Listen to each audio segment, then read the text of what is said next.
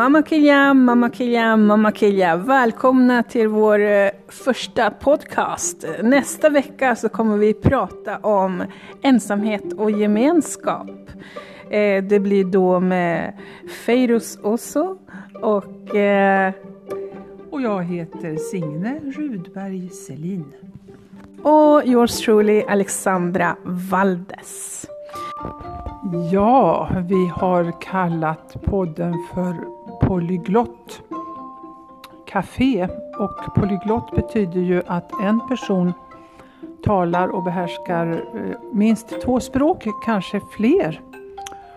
Eh, så det kommer vi att lite grann beröra faktiskt, det här med språk och vad olika ord kan faktiskt betyda, olika saker på olika språk.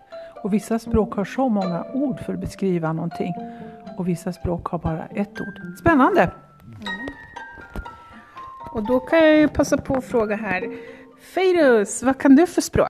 Alltså jag kan, det, det blir tre eller fyra språk också.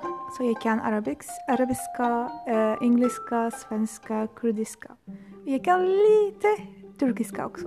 Själv så har jag kommit till Sverige när jag var sex år så jag kan ju flytande svenska. Och jag kan också eh, engelska och spanska.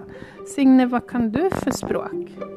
Ja, det är väl svenska och engelska som är mina främsta språk då. Sen kan jag lite grann franska och sen har jag en dotter som bor i Danmark så jag har lärt känna danska språket ganska spännande och ganska annorlunda mot svenska. Speciellt när det gäller uttalet. Eh, och så tycker jag faktiskt väldigt mycket om norska.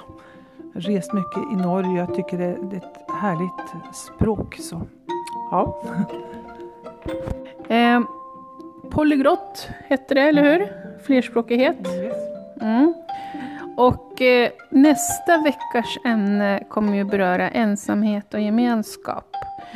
Eh, mycket ensamhet tror jag många har upplevt nu de senaste två åren på grund av pandemi och corona.